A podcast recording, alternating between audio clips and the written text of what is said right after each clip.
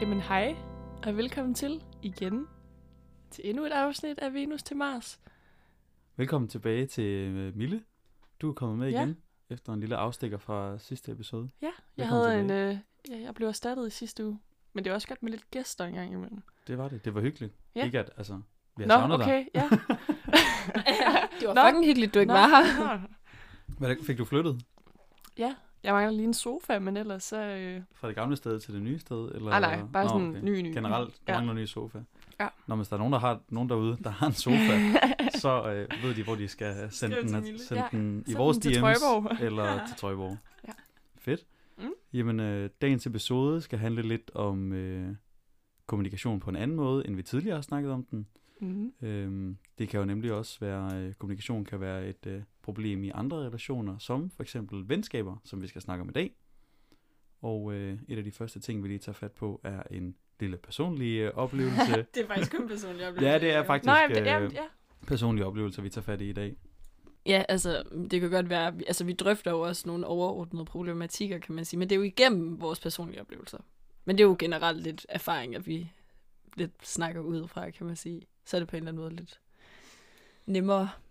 Jamen, øh, det første, vi skal snakke om, er jo øh, noget, der foregår over på den modsatte side af bordet fra, hvor jeg sidder. Det er der, hvor vi sidder. Ja, det er jeg to, der skal i gang med Mille at fortælle. og Sofie. I skal i gang med at fortælle en lille historie. Hvis man ikke kan huske det fra øh, introafsnittet, så har I to jo gået på gymnasiet sammen. Altså, Jamen, vi er jo venner. nu er vi venner. Heldigvis. Det har vi jo ikke altid været. Jeg føler jo godt, man kan sige, at man stadig har et venskab, selvom man har en periode, hvor man måske ikke lige snakker sammen.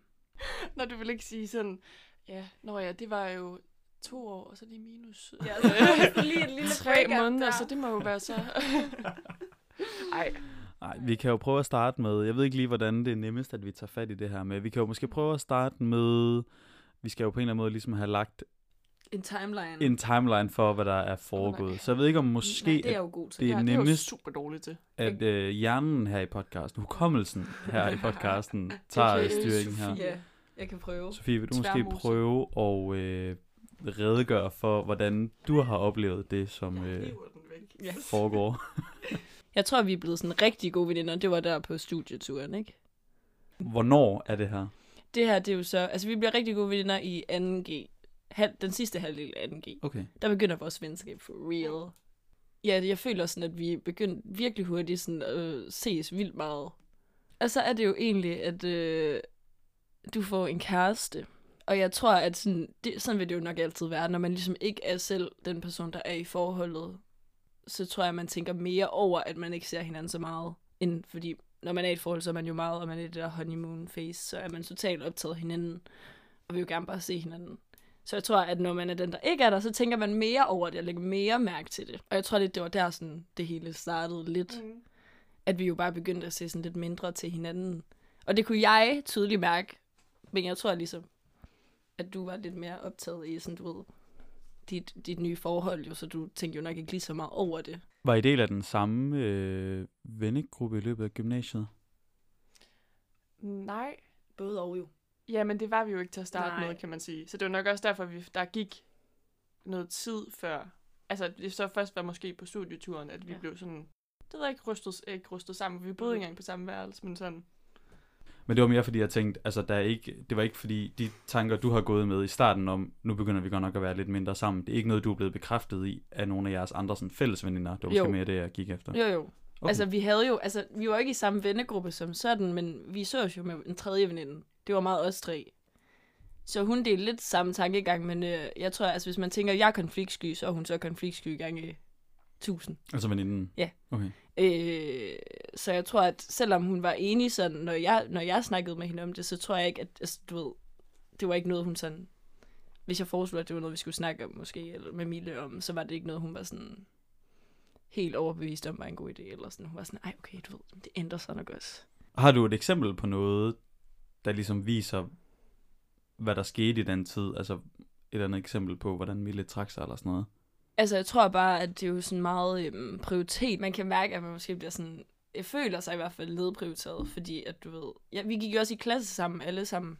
Så jeg tror meget, det var det der med, at det kunne gå fra, at du ved, at vi jo så hinanden mange gange om ugen og snakkede sammen hver dag til, at så havde man jo en kæreste, så var det jo sådan selv i frikvartererne, at vi måske ikke lige fik snakket sammen. Og det tror jeg var en sådan stor øh, kontrast, som gjorde, at man jo nok også tænkte ekstra meget over det. Eller måske, jeg tror bare, man sad måske tilbage med en følelse af, at man var sådan lidt ligegyldig. Eller det kan jeg i hvert fald huske, jeg, sådan havde jeg det. Jeg tror, det var det, der gjorde mig sådan ked af det. Det er også sjovt, du siger, at føler, det nævnte du tidligere, ikke? at du føler, det er sådan. Fordi det er jo tit sådan, at man går med en opfattelse af Mm, situationen, Mm. men man øh, opsøger måske ikke den anden person for at få den enten be- eller afkræftet, at det også er sådan, det forholder sig. For Mille Ja. har formentlig gået på den anden side, og overhovedet ikke registreret, at det var sådan, det forholdt sig. Ja, Så og det er jo- også, ja. Det er jo allerede der, i den, allerede i den lille spæde start, når man får den der lille idé om, noget kunne være galt, i stedet for at nippe den i røven, så at sige, Mm. fra start, og ligesom bare få det ud af verden, så går man ligesom og begynder at brygge på en eller anden følelse af, at noget er på en eller anden bestemt Ja. måde. Ja, og det, er, jo- og det er sådan, er det jo tit. Altså sådan, og så kan man jo så på den anden side se, okay, altså det er jo så er det jo tydeligt at se, hvad der er, der går galt. Men jeg tror også, altså, længere tid, altså jeg føler, at det var så lang tid, vi ikke snakkede sammen, men det tror jeg også var, fordi vi jo gik i klasse sammen, men på papiret var det jo vidderligt kun, altså måske 3-4 måneder. Ja, og det er jo meget sjovt, også det der med, jeg tror, at det også, altså nu ved jeg ikke nu, men at det nok har føles værre, fordi vi har gået i klasse sammen, og fordi vi faktisk, Man er blevet mindet om det. ja, reelt har set hinanden, mm. Og at man så før har set, ses meget i forhold til sådan tidspunkter, hvor jeg kender det nu, eller sådan, hvor man har oplevet det, at, at folk, hvor man sådan alligevel out, altså ikke ses så tit måske, og de så får en kæreste, og sådan, ja, så går der det der det tid, men man ses jo ikke alligevel, eller hvad man kan sige. Altså sådan hver dag, ligesom vi gjorde. Præcis. Jeg tror også, at det var, det var lidt en følelse, sådan, altså man blev bekræftet i hver dag, når man så hinanden, at når, okay, du ved, vi snakker ikke rigtig sammen. Dengang, der følte jeg virkelig, altså det er jo sådan lidt skørt, men selvom man bare er venner, så kan man godt føle det lidt som et altså, hjertesorg på en måde. Altså jeg tror lidt, det var sådan, lige den samme tomme følelse sad i hvert fald i mig, når vi ikke snakkede sammen på en eller anden måde. For det var sådan mærkeligt, og ja, det lå bare lidt hen i det Mm. uvisse, fordi vi jo ikke rigtig, altså jeg tror, vi snakkede som sagt om det måske en enkelt gang, men meget tidligt øh, om det, hvor at vi satte os ned, og jeg var, øh, både mig og vores anden veninde var sådan, at vi savnede dig, og vi følte ikke, vi så dig så meget. Men det var nok den eneste gang, mm. vi tog det op. Og så var det sådan lidt, Hvor lang tid er det, der går fra, at I bliver venner omkring den der Islands tur, og hvor lang tid går der så, før man kan sige, den, det der problem opstår? Mm, sådan et øh, knap et år. Okay.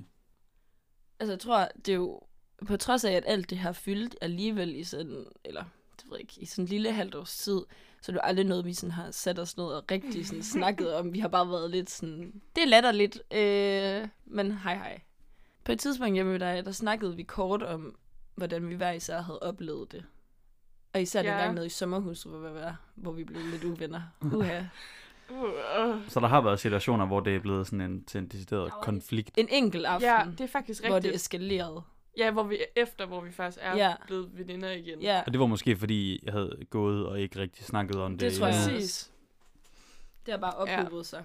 Altså, man havde også drukket, og jeg føler bare generelt, når man har drukket, så Ja. ja. tror jeg også, man er mere tilbøjelig til bare at øh, få lægge svisken på det. Ja, er du gal, mand? Altså, vi gik i seng uvenner. ja, det gjorde vi. Og stod op uvenner. Og sagde farvel uvenner. Og det er aldrig rart. Nej, det var sådan meget, sådan, meget utryggende fornemmelse. Ja. Ja, okay. Mm. Men, eller trykket stemning. Men øhm, Men I er jo faktisk blevet venner igen, uden stadigvæk sådan at have sådan snakket det igennem, eller sat jer ned og haft sådan en... ja, sådan et dyb, Heart to dyb heart. snak. Ja. Ja, altså jeg tror kun lige, vi har snakket om den aften kort. Hvor Hvad for, det, ja, altså, der, den der aften, var vi, hvor ja, Men jeg tror, det var der, hvor vi, hvor vi indså, at det sådan var latterligt. Eller, Ja. det var meget latterligt. Ja, uden at vi sådan havde snakket om det, så vidste vi jo nok godt begge to, hvordan vi hver især havde haft det. Så Ja. jeg tror bare ikke, vi fik så meget ud af at gå mere ind i det. Og der er ikke nogen af jer, der sidder her på bagkanten og godt kunne have tænkt sig, at man havde snakket om det måske tidligere. Eller altså nu er det jo ikke fordi, at, at I sådan, at det stråler ud af, at I har brug for sådan en dyb, dyb samtale omkring det. I virker også sådan set forholdsvis afklædet om, hvad der er sket. Men er der nogen af jer, der måske sad og tænkte, givet man havde taget det tidligere, eller... Ja, altså, men, altså, det ved jeg ikke. Tænker man ikke det? Jo, Altså, det gør jeg da i hvert fald. jeg altså, tror, at altså, det, jeg tror ikke, det var blevet kørt op til sådan en, altså for eksempel for mig, det var virkelig sådan en, ked af det følelser. Det er måske hjulpet bare at sætte sig ned og tage sådan en ordentlig voksen snak, men mm. jeg Mhm. tror også, at når man lidt føler sig såret, eller ja, nedprioriteret, eller sådan, så tror jeg, at man er sådan lidt mere stedig på en eller anden måde, og så er man sådan, nå, men fint nok, så er det bare det. Ja. Så sådan kan jeg i hvert fald godt blive, tror jeg, når jeg er såret, så trækker jeg mig lidt bare natur, ja. i stedet for sådan at være, sætte mig ned med en person, og være sådan, måske vi lige skulle snakke om tingene. Men det var også, det var også det, fordi så, det har vi jo så begge to gjort, for Mm. jeg bliver også meget stedig, hvis jeg oplever sådan lidt modstand, eller folk, der sådan, i hvert fald dengang, Mm. sådan, jeg måske var uenig, eller sådan lige sagde noget. Jeg tror i hvert fald, altså, og det er jo også det, som vi har snakket om et par gange generelt med at kommunikere, også i kærlighedsrelationer, at nogle gange at det er vigtigere bare at lige sætte sig ned og tage en snak, i stedet for det der med, at man virkelig kan... Ens følelser kan også bare vokse endnu mere, hvis man går med det selv og tænker, ja, bygger scenarier op i sit hoved. Øh, Ja, det kan godt betale sig at være ret åben omkring sådan noget ret tidligt. Fordi Ja. det er jo enten er en eller anden lille følelse, man lynhurtigt egentlig kan få be- eller afkræftet, som hvis man ikke opsøger nogen, lige pludselig bare kan få lov at vokse lige så voldsomt, som den har lyst. Og så bliver det jo sådan noget med, at man lægger alle mulige intentioner bag, som måske overhovedet ikke kommer fra den anden side, og lige pludselig så er det jo vokset meget større, end det burde være. Det er jo også noget, der gør ens relation stærkere, eller så Mm. ved man jo bare det til en anden gang. Jeg ved jo, Sten, at du også har stået i en lille, jeg ved ikke, hvad man skal kalde det, sådan problematik med en, en af dine bedste venner, faktisk. Det vil jeg En helt sikkert kalde det. Ja. Ja. Ja. Som også var lidt vild eller sådan absurd på en eller anden måde. Det kan man sige. Jeg kunne lige prøve at sætte øh, scenen. Ja. Øhm, jeg tror, vi er lige begyndt på gymnasiet, og øh, vi er et par stykker, der er blevet enige om, at vi godt kunne tænke sig at flytte ud. Vi er lige kommet ud fra efterskole, og synes jo er blevet så voksne, at nu skal vi selvfølgelig have vores egen lejlighed. Ikke god idé. Ja, så øh, vi er fire gutter, som egentlig er hinandens allerbedste venner på det tidspunkt, der bliver enige om, at vi skal finde en lejlighed, og, øh, og flytter så egentlig ind sammen og bor der samlet set. Ja, det er lige under tre år eller sådan noget, vi bor der i løbet af hele gymnasietiden. Og øh, til at starte med er det hele jo bare sådan helt liv og glade dage, og vi er alle sammen bare helt op og køre over, at vi bor ude, og mor bestemmer ikke mere, og det hele er bare mega fedt og sådan noget. Øhm, men der er ligesom en af de her fyre, som relativt hurtigt begynder at ændre sig lidt. Altså der er sådan en eller anden, der sker en eller anden personlighedsændring på en eller anden måde, som, øhm, som vi andre ikke helt kan forstå. Og jeg tror ikke rigtigt, vi opsøger det, men øhm, vi, det sjove er faktisk, at vi alle sammen lidt går og har de samme sådan tanker og observationer omkring det.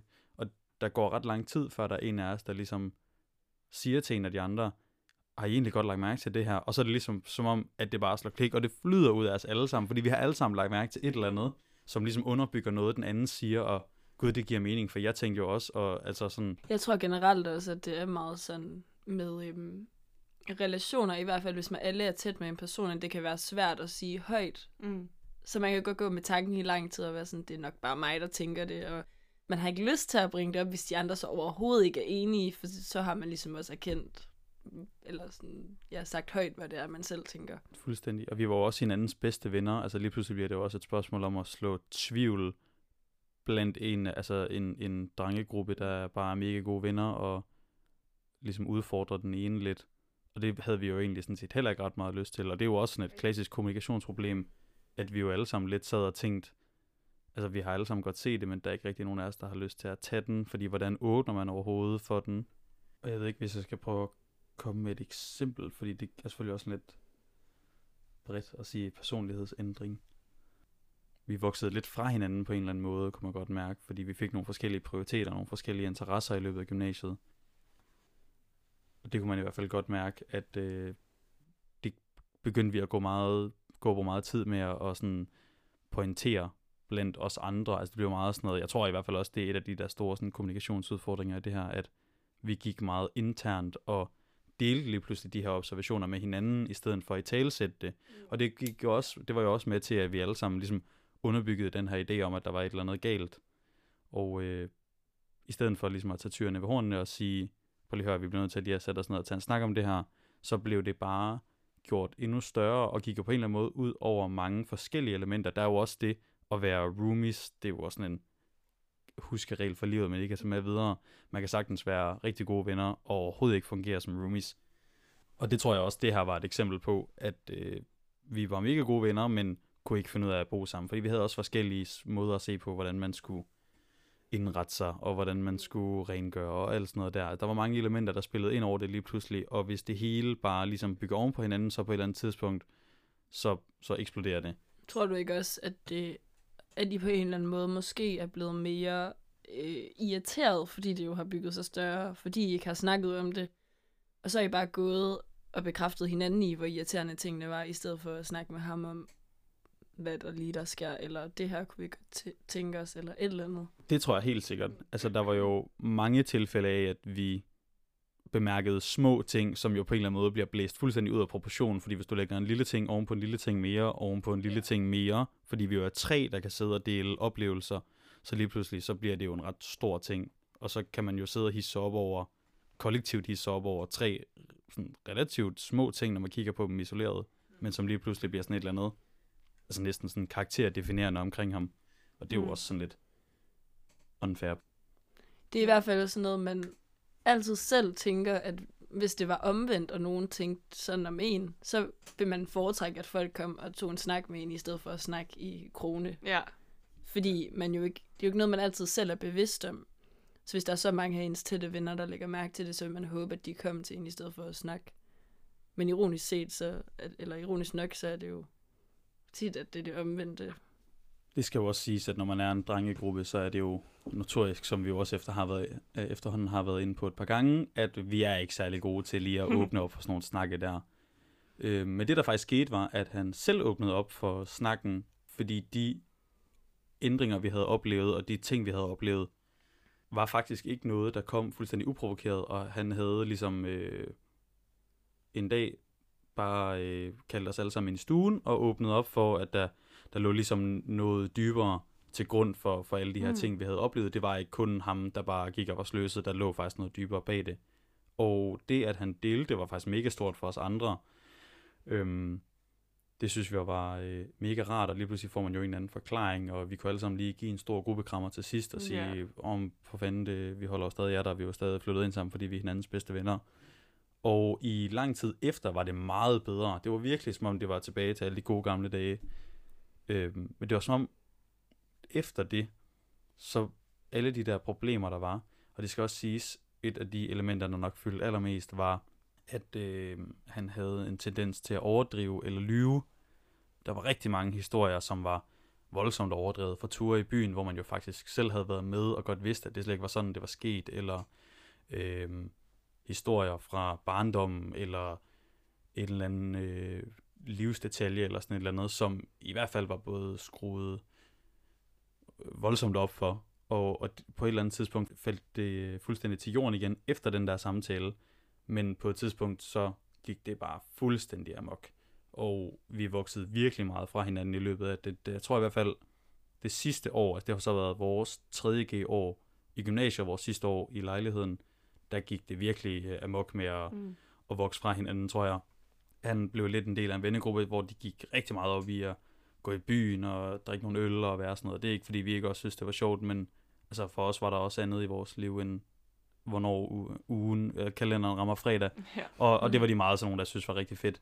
Og, og det blandet med, at de der løgne og overdrivelser og alle de der ting i hvert fald, de, de vendte ligesom tilbage i gange tusind nærmest. Altså der var næsten ikke en eneste historie, vi til sidst kunne turde tro på nærmest, fordi der var så meget, der blev modbevist hele tiden, og hvor vi alle sammen godt vidste, at det her, det, den stemmer ikke helt, den her og sådan noget. Det skal jo så siges, øh, den dag i dag snakker vi så heller ikke sammen længere. Det var ikke fordi, der på den måde nogensinde kom en kæmpe stor sådan konflikt ud af det. Vi har aldrig været sådan rigtigt op og skændes over det. Der har været nogle episoder, når man har været fuld, men som I også var inde på i jeres tilfælde før, når mm. man er Mm. fuld, så bliver alle følelserne lige skruet lidt op og sådan noget. Så der har været, der har været tilfælde, hvor vi øh, råbte lidt af hinanden, hvor man er fuld og sådan noget, men det har aldrig været sådan en decideret konflikt, og vi kan stadig sige pænt hej til hinanden i det tilfælde, at vi ser hinanden til en fest. Det er kun sket Ja. én gang, siden vi flyttede ud af lejligheden. Mm. Så vi snakker ikke sammen den dag i dag, og det er jo også ærgerligt, når man tænker på, at vi flyttede ind som bedste venner, og flyttede ud nærmest som fremmede. Altså, Ja. det er meget begrænset, hvor meget af hans liv, jeg ved, hvad der ligesom foregår i dag. Det var sindssygt dårligt formuleret. Det er jo også vildt, at tingene kan ende sådan. ja. men- Ej, det, men det er bare så ærgerligt, når man tænker over det, ikke? Helt vildt. At sådan, men altså, det er jo også bare... Nogle gange, så er det også bare sådan...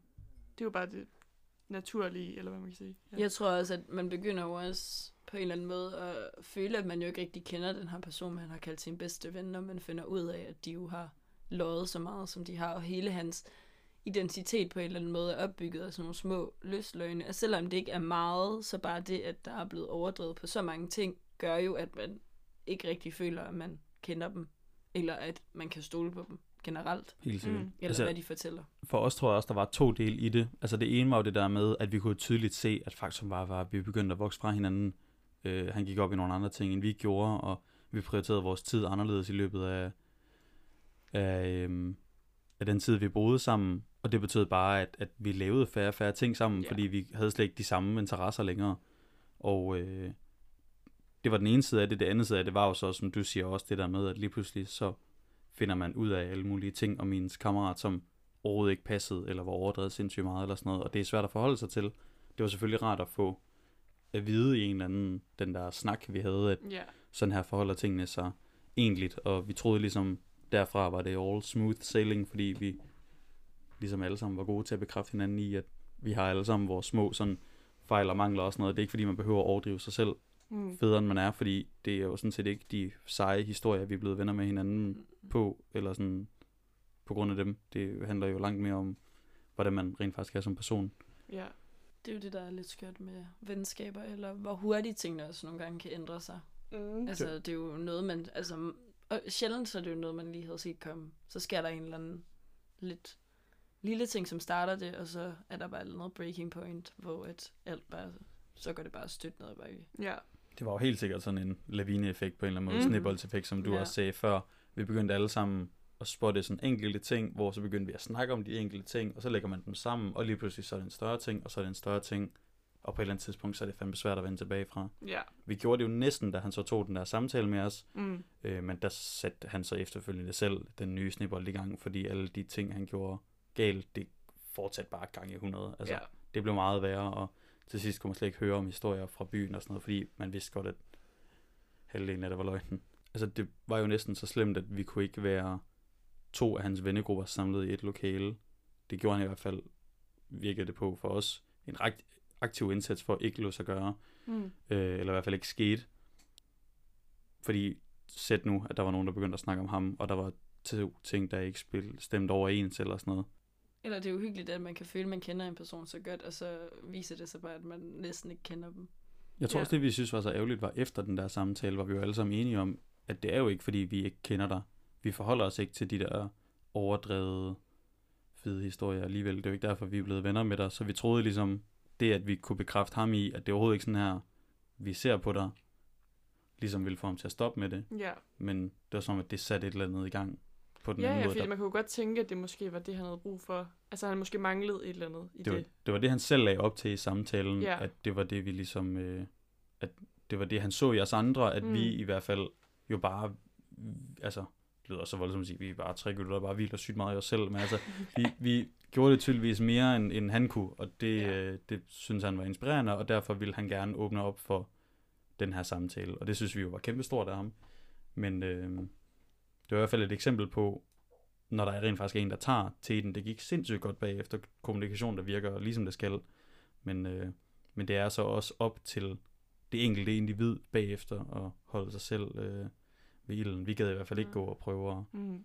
rette op på det, fordi i sidste Nej. ende er det ikke vores ansvar. Der snakker øh, handlingerne jo også bare igen Mm. tusind gange højere end ordene. Altså det er jo virkelig noget, man skal se aktivt ændre sig, før at man kan sidde og føle, okay, du har faktisk altså, lært noget, eller der var en grund til, at du tog den snak, du har tænkt dig at gøre en aktiv indsats. Og hvis det ligesom ikke er noget, der bliver gjort, så er det jo klart, at så er det jo ligesom at gå tilbage til nul. Så er det jo samme situation, som det hele tiden har været. Det tror jeg var Mm. mm. faktisk et perfekt eksempel på noget, der ligesom gjorde noget for os. Altså det der med, at man, man forventede nemlig på en eller anden måde en, en aktiv indsats, og man så overhovedet ikke en aktiv indsats. Tværtimod så man det komplet modsatte. Hmm. Og det sætter jo bare en i sådan en øvesituation. Hvorfor skulle vi gøre en indsats, hvis han ikke engang selv kan? Ja. Jeg tror også, det var sådan en... Man sidder lidt og betvivler sin rolle som bedste ven, hvis man skal... Altså, hvis man opdager, at mange ting, man får at vide, er løgn, hvorfor tør du ikke betro dig med sandheden til dine bedste venner? Ja. Der ligger jo sikkert et eller andet dybere i det for ham, men for os var det bare hele tiden sådan et, jamen okay, men så er vi jo ikke lige så gode venner, som vi tror, vi er. Ja. Ja, det var i hvert fald en, en vild oplevelse. Ja. Altså, positivt for det er jo, at jeg tror, vi alle sammen er enige om, at det var nok bedst for alle, og der er, var, er aldrig kommet noget slemt ud af det, og hader ham ikke. Og hvis jeg ser mm. ham til en fest, så går jeg pænt over og siger hej, men vi skal nok ikke lige spille beerpong sammen. Nej. Man skal lade med at tro, at vi skal finde tilbage til den der gamle rela- relation, vi havde. Det er jo mega okay at finde sig selv komfortabel i, nu er det sådan her, det er. Ja. Det her, det er den nye konstellation. Mm. Men det er ikke altid, det er lige nemt at finde sig øh, godt tilpas i en ny konstellation. Og det ved jeg, at øh, du går og bøvler lidt for tiden med, Sofie. Det er korrekt. Ja, Er det måske en øh, historie, du kunne tænke dig at dele lidt ud af? det kan vi godt. Jeg ved slet ikke, hvor jeg skal starte.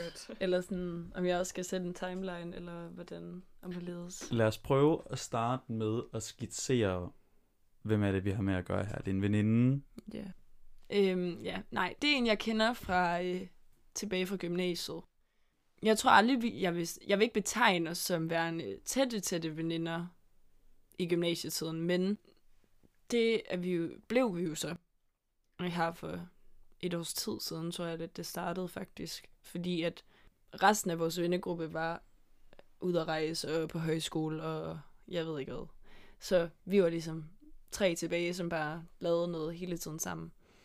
Og på den måde blev vi så også ret tætte. Og da vi bliver tætte, der har jeg ret mange følelser for en fyr, som vi også begge kender. Og det af den årsag jo også bliver hun også meget inddraget i det, og ja, hvilke følelser jeg går har, og er en af dem, jeg deler det mest, altså, mest med, fordi hun jo er lige der ved min side, kan man sige, og ser, hvad jeg ligesom går igennem, og hvordan jeg har det, og så videre. Så på den måde, så bliver hun meget bekendt med mine følelser i hvert fald.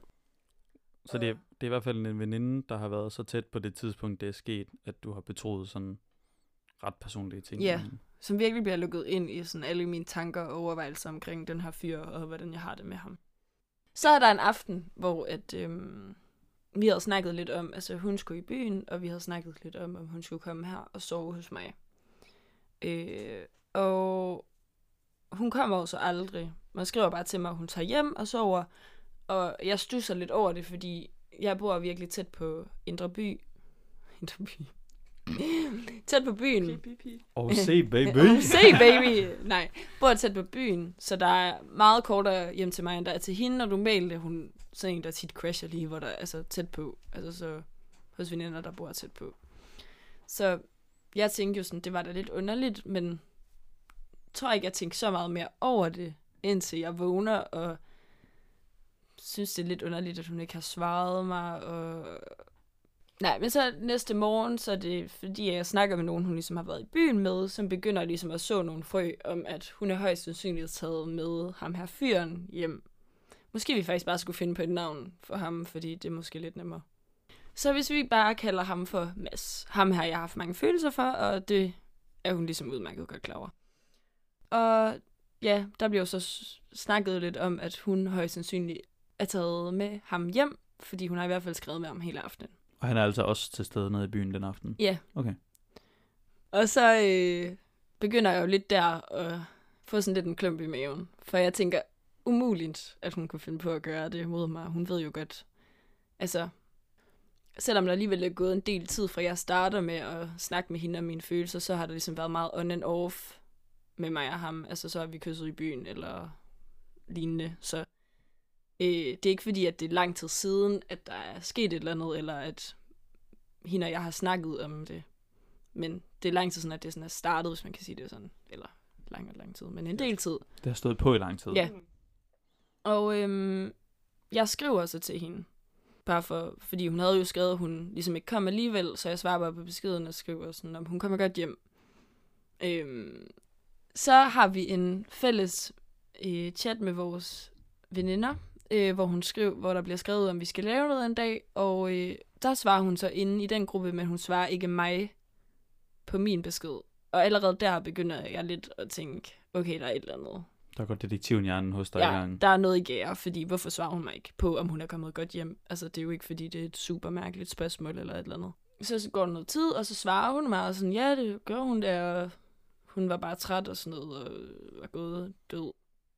Og så spørger jeg hende, om hun havde taget nogen med hjem fra byen, eller var taget hjem til nogen fra byen og sovet, eller om hun bare sov derhjemme. Og så går der en del tid, og så sender hun mig et billede fra sin seng, hvor hun skriver, at hun du ved, var gået død der alene. Jo mere jeg snakker med dem her, der har været i byen med hende, jo mere kan jeg godt høre, at det jo virkelig lyder som om, at hun er taget med Mads hjem. Så jeg tænker, altså, hun lyver for mig lige nu. Så jeg skriver bare direkte, er du sikker på, at der er noget, du ikke fortæller mig? Øh, for jeg har hørt, at du er taget med Mads hjem.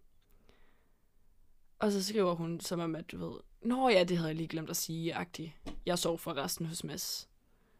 Og der kan jeg godt mærke ind i mig, at det virker ikke helt som en ting, man bare lige glemmer, fordi ja, hun ved jo godt, hvordan jeg har det med ham, så det er jo nok lidt bevidst, at hun ikke har fortalt mig det her. Fordi hvis hun, ja. Og finder jo så ud af, at de har været sammen, og hun fortæller mig jo bare, at hun troede ikke, at det var noget, der ville gøre mig ked af det, og så videre og så videre, men samtidig så f- har hun ligesom valgt at lyve om, at hun har sovet derhjemme, så tydeligvis har hun jo troet, at det har været noget, der påvirkede mig. Og ja, jeg tror lidt, jeg går i sådan en halv choktilstand på en eller anden måde. Det er jo svært at forholde sig til, også fordi der går lang tid fra, jeg ligesom spørger, altså da hun skriver, at hun sover hjemme, der når jeg jo at få lidt en ro i maven og tænke, okay, det var bare mig, og wow, jeg er jo egentlig lidt en dårlig veninde, at jeg overhovedet nåede at tænke den tanke, at hun havde gjort sådan noget, fordi hvem tænker sådan om sine veninder? Men så da hun bare skriver det, så bliver jeg jo bare sygt ked af det, og tænker, det er jo, det har du seriøst ikke gjort.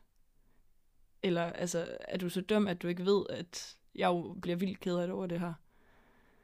Men jeg tror lidt, at fordi vi jo også er i samme vennegruppe, øhm, og jeg synes, det er ubehageligt, at der skal være sådan en total elefant i rummet, når vi skal se hinanden alle sammen, og at det jo også på en eller anden måde vil gå ud over den vennekonstellation, fordi man har jo ikke lyst til at sidde i rum med nogen, der man ikke rigtig snakker med. Det bliver sådan en akavet Mm. stemning.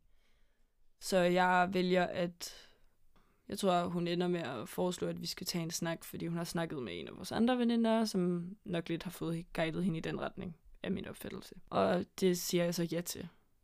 Og i den her snak, der er det meget, øh, altså det er meget det samme, hun siger. De samme lidt dårlige undskyldninger, vil jeg kalde dem.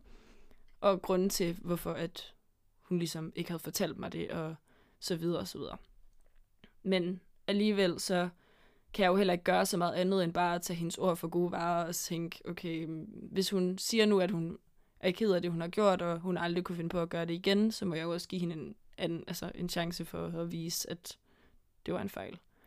Så jeg siger til hende, altså jeg spørger hende faktisk også direkte, om det er noget, hun kunne finde på at gøre igen, fordi det kan man jo godt, ligesom, hvis man kan gøre det en gang, hvorfor skulle man så ikke kunne gøre det igen? Og så siger hun jo bare, at det kunne hun aldrig finde på, når hun har set, hvor ked af det, det gør mig. Øh, hvilket jeg ja, selvfølgelig er glad for at høre. Så vi ender, slutter egentlig på god fod, og der er ikke noget efterfølgende, altså vi fortsætter ligesom bare Vender I tilbage til sådan det samme forhold, I havde til hinanden, inden Ja, det her skete? Okay. egentlig sådan rimelig Mm. hurtigt.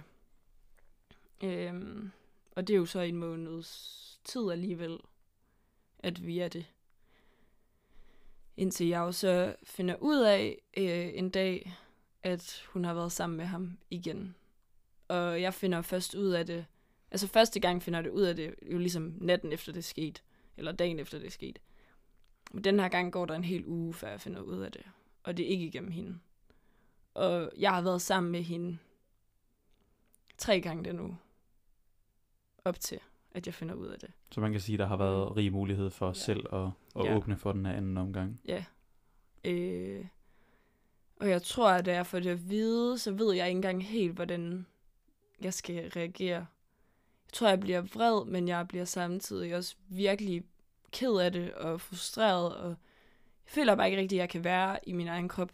For altså, tidsmæssigt, så er det sket tre uger efter, at vi har haft den her snak, at hun har gjort det. Jeg finder jo så bare først ud af det senere, kan man sige. Men der er kun gået tre uger. Og jeg tror bare, det er svært at forstå, hvordan man kan sidde med en, som man ser som en af sine tætteste veninder, og fortælle hende, at noget gør en virkelig ked af det. Og hun kan sidde og sige, at det er noget, hun aldrig kunne finde på at gøre igen. Og velvidende, hvor ked af det, det gør mig, så gør hun det igen. Og jeg tror, at det er jo meget, jeg tror virkelig, det her det er sådan noget, der skiller vandene, og hvordan man ser på det, det er ikke i tvivl om, og det kan jeg også godt mærke i vores øh, vennegruppe, at det er, at folk ser meget forskelligt på det. Altså, der er sådan en intern uenighed om... Jeg ved ikke, om der er en decideret uenighed, men det er tydeligt at se, at, eller mærke, at nogen har stærkere følelser omkring det end andre. Der er forskellige syn på det, Ja. måske. Ja. Og det er jo også, altså, det, sådan er det jo. Men øhm, jeg tror, jeg har det personligt sådan, at det er aldrig noget, jeg nogensinde har gjort, og aldrig noget, jeg kunne finde på, når jeg... Fordi jeg tror bare, at hvis ens veninde fortæller en, at man godt kan lide en, eller der er noget, der gør en ked af det, eller et eller andet, så er det bare aldrig noget, man nogensinde vil tage til overvejelse. Og en ting er at tænke over det, men noget andet er rent faktisk at gøre det. Altså, da du opdager det, er du tillidsbruddet, der ligesom er det, der fylder mest. Tænk, at det er en, jeg har lukket så tæt ind på mine følelser, kunne gøre sådan noget mod mig. Ja. Og det sker jo så ikke bare en, men to gange på relativt kort tid. Ja. Også efter, altså, det er jo også det, at jeg tror, når man selv bare ikke føler, at det er noget, man nogensinde kunne finde på at gøre, eller aldrig nogensinde har haft i tankerne, så er det svært at sætte sig ind i det mindset, fordi som jeg også har snakket med nogen om, så er det det der med, hvis det var, at det var to personer, for eksempel, der havde følelser for hinanden, så havde det også bare været en anden situation. Så havde man selvfølgelig håbet, at vedkommende ville komme til en først og sige, prøv at høre, jeg har følelser for Mads, whatever. Men man og så man kunne snakke om altså, det. Du er nødt til at respektere, at de to Ja, ligesom også Præcis. Ja. Ja. Men det her, altså, er seriøst bare fjol, altså sjov og ballade efter en bytur. Gange to. Og det tror jeg også bare gør, at man kommer til at sidde og føle sig meget lille og meget ligegyldig. Og det var virkelig den følelse, der ramte mig. Og jeg tror også følelsen af, at sådan andre vidste det før mig, at hun havde fortalt det til andre i vores vennegruppe før mig. Hvordan tror du, hun har formuleret det til de andre veninder, hun har snakket med, før du snakkede med hende? Det har i hvert fald ikke været lige frem, at hun fortrød det, eller Okay. at hun var ked af det, eller hvad skal jeg gøre i forhold til Sofie. En ting er, at det er jo så også det billede, der lidt bliver malet, at hun jo, hun vælger jo heller ikke, de gange, hvor vi er sammen efter det her er sket, der er ikke, jeg synes ikke, hun virker anderledes overhovedet, og jeg tror generelt, at hvis nogen er, altså hvis man har dårlig samvittighed over noget, så føler jeg i hvert fald personligt selv, at så kan man ikke gå med det ind i sig selv, så eksploderer man, og man bliver nødt til at sige det. Men det virker ikke som om, at hun er super anderledes, eller der er et eller andet, der går hende på. Øhm, hvilket også, jeg tror, det er derfor, jeg slet ikke har en idé. Altså, den bytur, ved det her sker, der er det jo egentlig, at der skriver vi om hendes bytur dagen efter. Så igen, rig mulighed for at gribe chancen og fortælle det. Men det gør hun igen ikke. Og så heller ikke de tre gange, hvor vi er sammen. Og det er jo så først, da jeg konfronterer hende med det, at hun skriver, at hun er mega ked af det, og hun vidste ikke, hvordan hun skulle sige det, og hun havde lovet sig selv, at hun ville sige det næste gang, og det ene med det andet, og det er stadig bare lidt dårlige undskyldninger, der ryger ind af det ene øre og ud af det andet. Det var lidt det ultimative tillidsbrud. Nu har du ligesom vist, at jeg kan tydeligvis ikke stole på dig. Jeg gav dig en altså second chance til ligesom at vise mig, at det var lidt en fejl fra din side, og du havde ikke tænkt over det på den måde, men nu ved du. Nu har jeg i hvert fald skåret i pap for dig, hvordan jeg vil have det med det, og så gør du det igen tre uger efter. Så hvor vigtig er jeg så egentlig for dig? Altså, vi snakker seks år af din tætte venindes følelser Mm. på en eller anden, altså hvis man skal sætte det groft op over mm. for hinanden. Og så er det jo bare, at jeg vælger bare at altså, skrive til hende, at jeg er jo kun, det er jo kun tid, der kan vise, om jeg kan stole på hende igen, og jeg har brug for, at hun ikke altså, bliver ved med at skrive til mig, for jeg har brug for tid. Ja. På en eller anden måde, så føler jeg jo, at hun ikke respekterer, altså igen, det foregår lidt på hendes præmisser. Det er hende, der har Mm. jogget i spinaten, for at sige det mildt, og hun respekterer ikke mine grænser. Hvilket bare gør, at man på en eller anden måde også trækker sig mere. Hvordan er jeres forhold til hinanden den dag i dag? Jeg har ikke snakket med hende rigtig siden, at jeg fandt ud af det. Fordi jeg tror bare virkelig, at jeg blev... Altså, jeg er generelt, hvis jeg selv skulle sige det, en person, der nogle gange kommer til at tilgive lidt for lidt. Og måske ikke altid den bedste til at sætte grænser for mig selv. Og jeg tror bare, nok når jeg snakkede med alle mine veninder og venner omkring mig, så var det det samme, der gik igen, og at, altså hun skulle ikke være en del af mit liv, hvis det var, at hun ligesom allerede nu havde bevist, at hun ligesom var klar på at sove mig igen, Mm. når det jo var så nyt. Det er sjældent, at jeg bliver sådan, at noget sidder i mig i lang tid, eller følelsesmæssigt, at det er svært at give slip på, men det her er virkelig en af de oplevelser, eller hvad man kan kalde det, som virkelig stadig kan sidde i mig. Og det kan, Mm. jeg kan virkelig få det sådan skidt over at tænke over det. Øhm, og især tror jeg, fordi at vi jo stadig er en vennegruppe.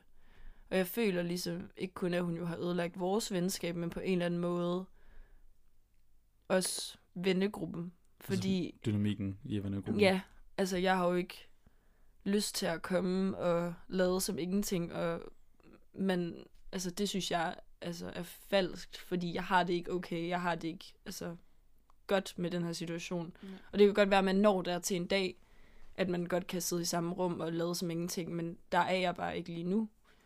Øh, altså så lang tid er der jo så heller ikke gået, kan man sige, men altså det, det ligger stadig sådan meget tæt på, jeg tror, at der er ligesom stadig nogle ting, der bare ikke helt er sådan faldet på plads, og jeg synes jo stadig virkelig bare, at det er på en eller anden måde lidt urealistisk eller surrealistisk situation at stå i.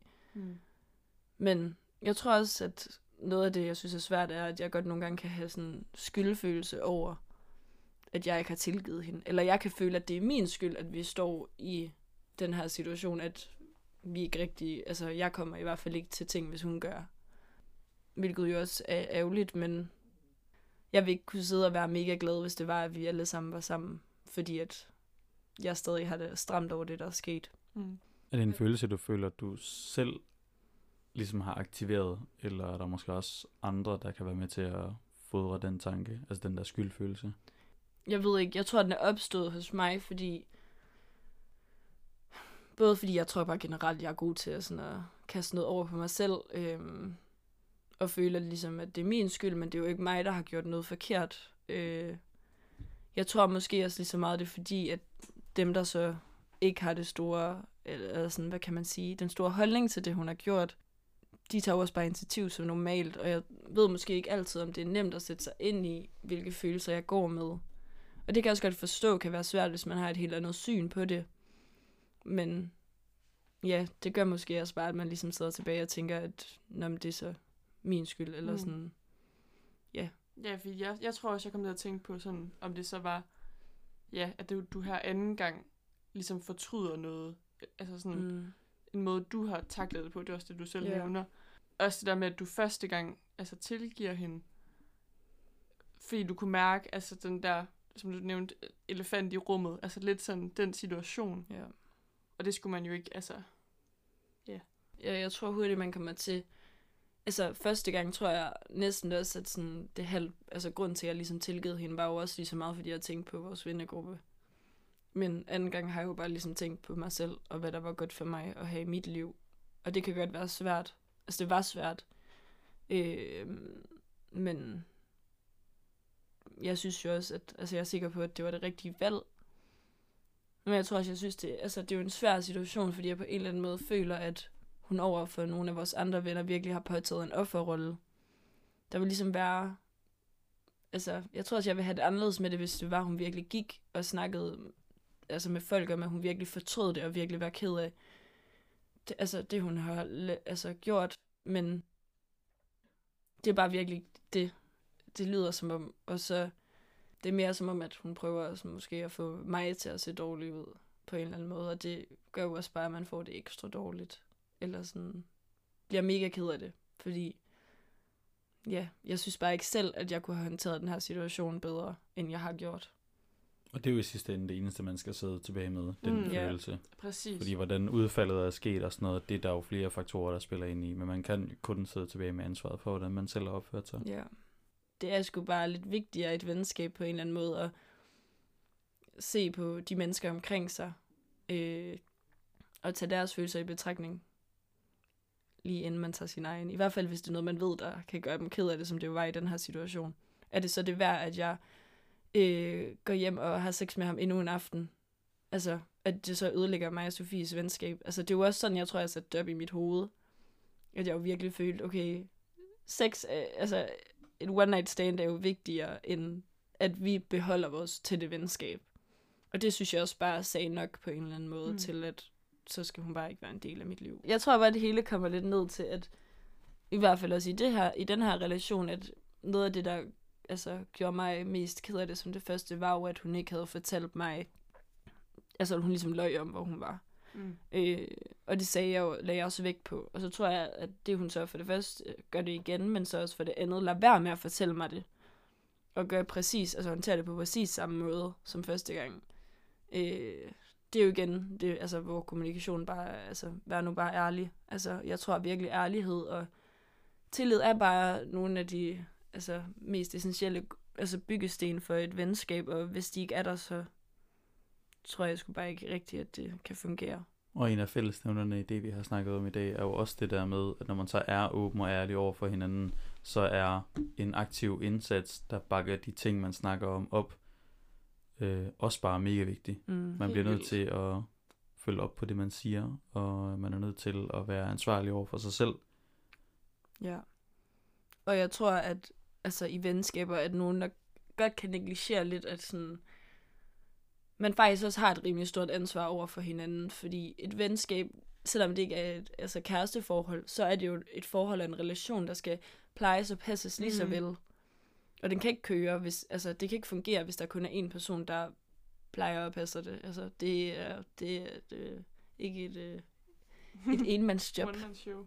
Ja, præcis. Så øhm, det er bare vigtigt at huske.